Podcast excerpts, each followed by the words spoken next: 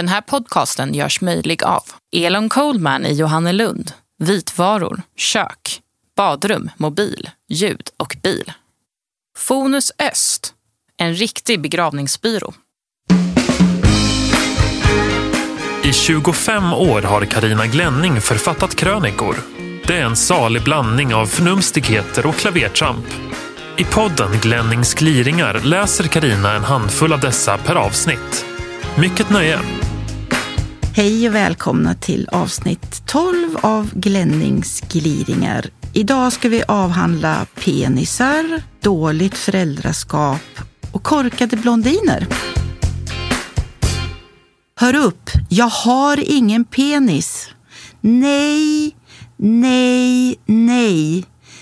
Tack, men nej tack. Jag vill inte ha en större penis. Jag har inte ens en penis. Ingen liten och ingen stor. Jag har överhuvudtaget ingen penis för jag är en tjej. Förstår ni? Tjejer har inte penis. Men om jag hade haft en penis så är jag ganska säker på att jag vid det här laget skulle ha förlikat mig med den, även om den inte hade varit gigantisk, precis som jag har förlikat mig med resten av min kropp.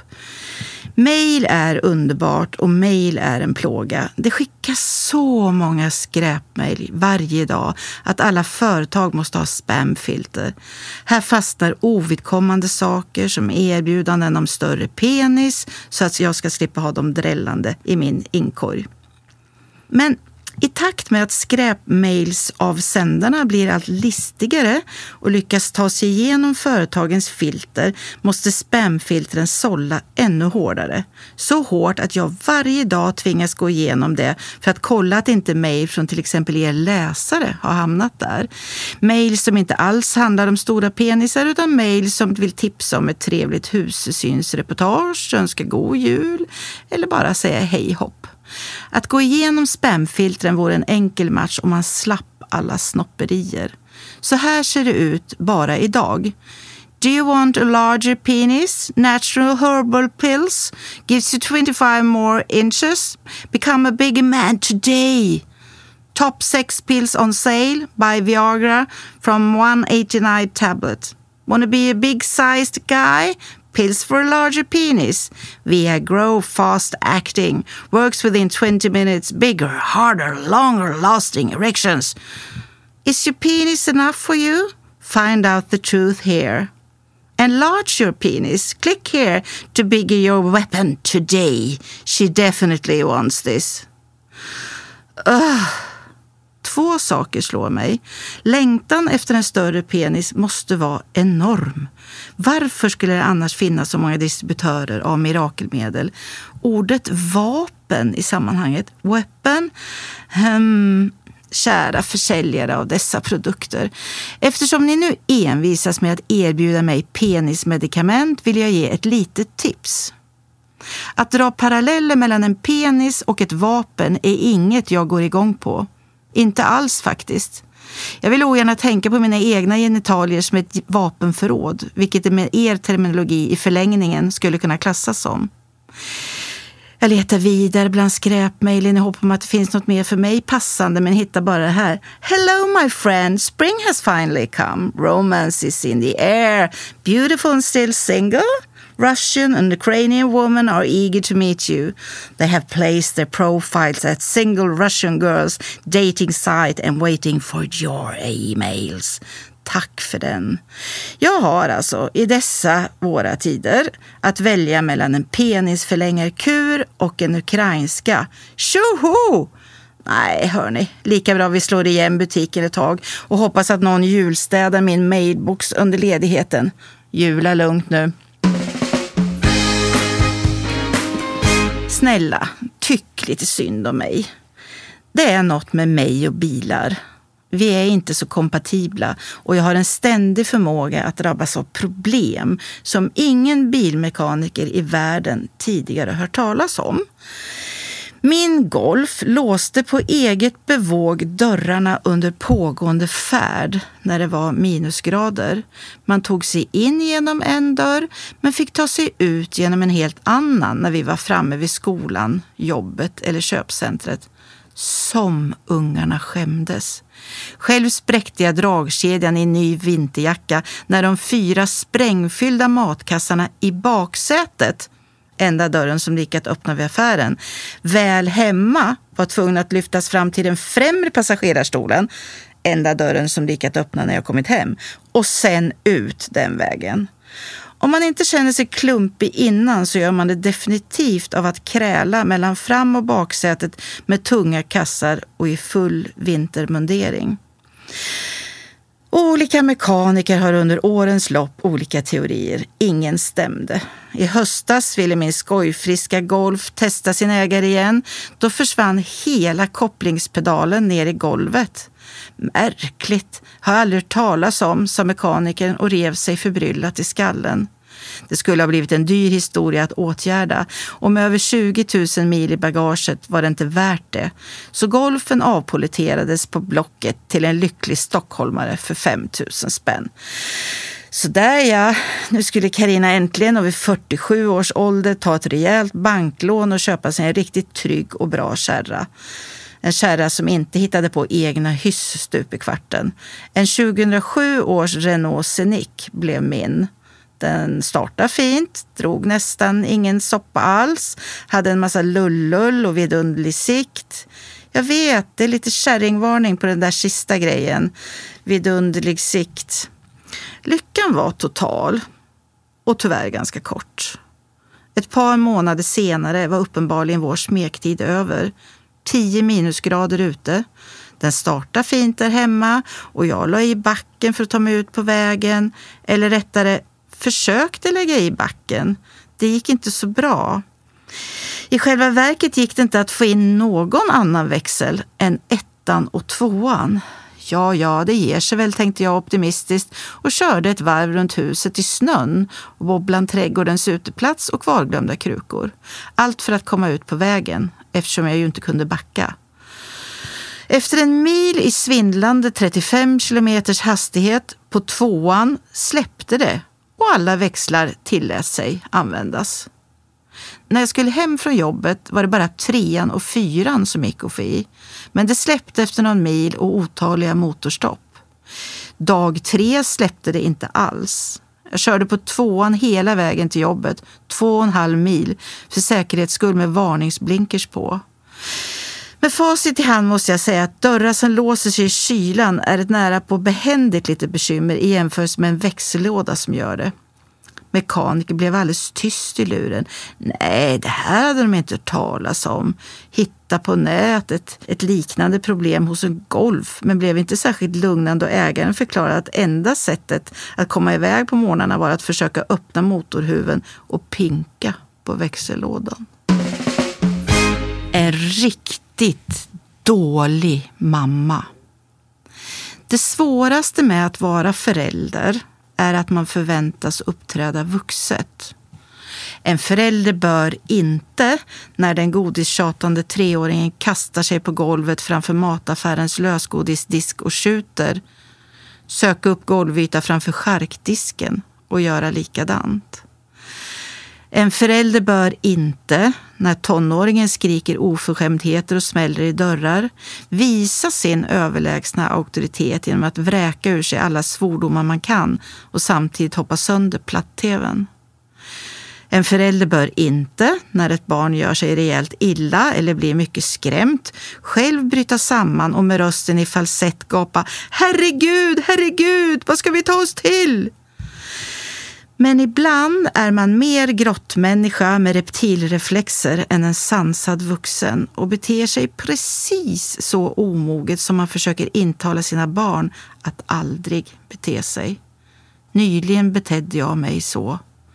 Huset hade varit fullt av människor hela helgen och jag tyckte jag varit tjudrad vid spisen. Bor man på vischan krävs mycket matlogistik eftersom jag väldigt ogärna vill åka en mil till affären om vi plötsligt blir nio till middagen istället för förväntade fem.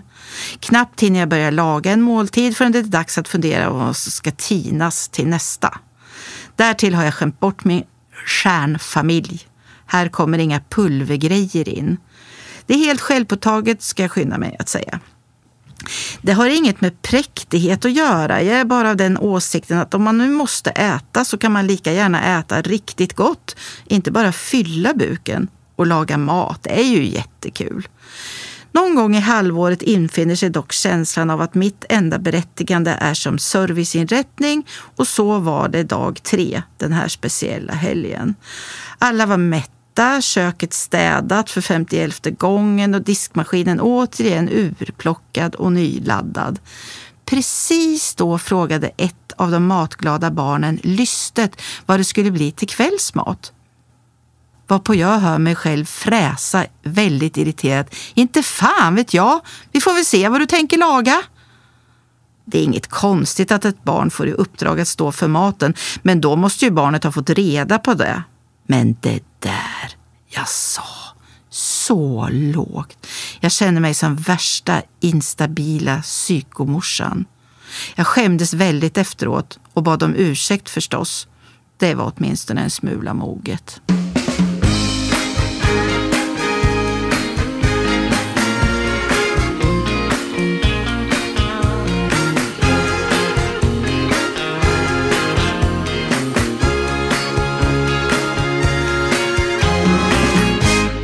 Tonårsskallar är också sköra. Hon är fyra år och står med gravallvarlig min uppe på köksbordet. I sin lilla hand håller hon ett plastparaply, hårt. Jag är tilldelad rollen som hembiträdet Alva och försöker förgäves få henne att ta sitt förnuft till fånga och klättra ner igen. Men hon tänker hoppa Jo, det ska hon faktiskt. Hon ska visa lilla syster Elisabeth, katten Elsa, att man visst kan flyga med ett paraply.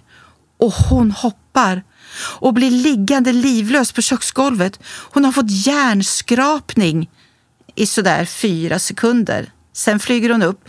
Gjorde jag det bra mamma? Såg jag ut som Madicken? Va? Va? Nu är hon 14 år och ligger på akuten med en riktig hjärnskakning. Hon kräks, har bultande huvudvärk, är rejält svullen över tinningen och minns ingenting av cykelolyckan några timmar tidigare. Hon blir kvar över natten för observation. Dagen därpå får vi åka hem. Och det hela är egentligen ganska odramatiskt, men det hade kunnat gå åt skogen. Jag hade kunnat sitta bredvid en nedsövd dotter på intensiven med en oviss framtid och med oron som en skenande flock vildhästar i bröstet om hon inte hade haft hjälm. Att få barn är att utöka sin sårbara yta, som någon så klokt uttryckte det. Ja, sannerligen. Att få barn är att utöka sin sårbara yta. Hon och bästisen skulle ju bara cykla hem från stallet som de gjort hundratals gånger. De cyklade i bredd på 70-vägen. Det är ju så lite trafik där på vischan pratade och skrattade. Så ser de en bil med hästtransport komma och bägge inser samtidigt att det inte är så listigt att cykla i bredd. Bästisen trampar på och min dotter skyndar sig att slinka in bakom henne. Men cyklarna fastnar i varandra och den vådliga kraschen med huvudet före i asfalten är ett faktum. Det var en ridhjälm hon hade på huvudet. Det är enklare att ha den på skallen än på pakethållaren när man ska hem från stallet. Och ni får betänka att den här krönikan skrevs innan alla självklart hade cykelhjälm. Men hon har cyklat den här sträckan utan hjälm också, många gånger. På sjukhuset drabbas hon av en ny insikt och självrannsakan. Tänk på alla svårt sjuka barn som är här på sjukhusets stup i kvarten. Tänk vad korkat det är att tänka, det händer inte mig. Det gör det visst. Hur kan man vara så dum i huvudet att man inte använder hjälm när man cyklar? Alltid! Så skört allting är. Jag blir uppmanad att hålla koll på henne det närmsta dygnet efter att vi blivit utskrivna så att inget tillstöter. Benen är lite darriga när vi går mot bilen på sjukhusets parkering. Plötsligt stannar någon upp, tar tag i min arm, spricker upp i ett leende och säger Oj mamma, blondin och hjärnskakning. Kan det bli så mycket värre? Och jag känner mig lugnad. Humorn är i behåll. Allt gott. Hjälp! Jag kan inte röra mig. Jag har ett skumt spårämne i min kropp som i kontakt med vitvaruaffärer gör mig partiellt förlamad. Torktumlaren bröt nyligen samman. Utan torktumlare kan man inte leva. Duntäcken är ett måste i min kalla kåk. Och prova att tvätta sådana utan tumlare. Det tar veckor att torka. Alla katthår ska vi inte tala om. De fångas upp fint där i luddfiltret. Redan efter någon minut i vitvaruaffären dyker de första symptomen upp och fötterna blir allt svårare att förflytta. 4 995 kronor för den, 6 995 kronor för den, 7 995 kronor för den. Siffrorna flimrar framför ögonen. Varför inte ta 6 000 jämt istället för detta förvirrande larv? Långa rader av tumlare. Ska man ta en billig som förmodligen bara är skräp? Eller en dyr som lika gärna kan vara skräp den också? Jag glömmer aldrig när en försäljare avslöjar att vissa av grejerna är mycket sämre kvalitet nu för tiden. Hjulen måste ju snurra.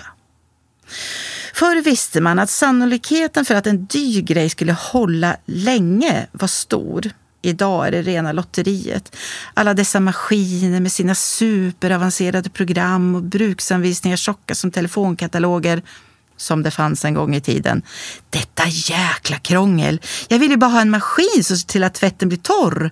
Hur svårt kan det vara? Oh, benen domnar allt mer. Jag orkar inte engagera mig i något så ointressant som detta.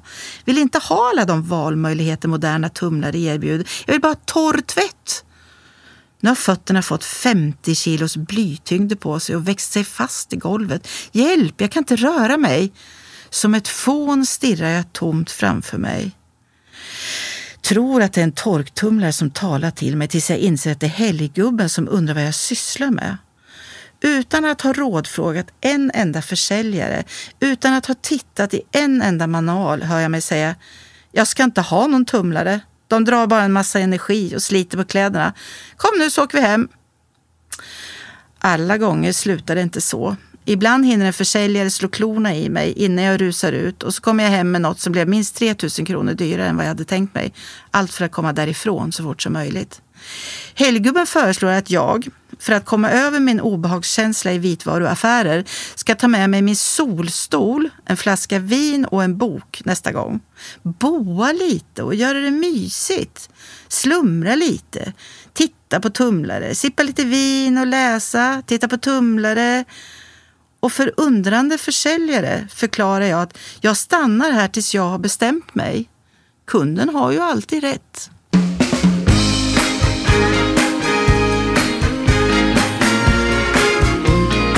Du har lyssnat på Glennings gliringar. Ansvarig utgivare Maria Kustvik.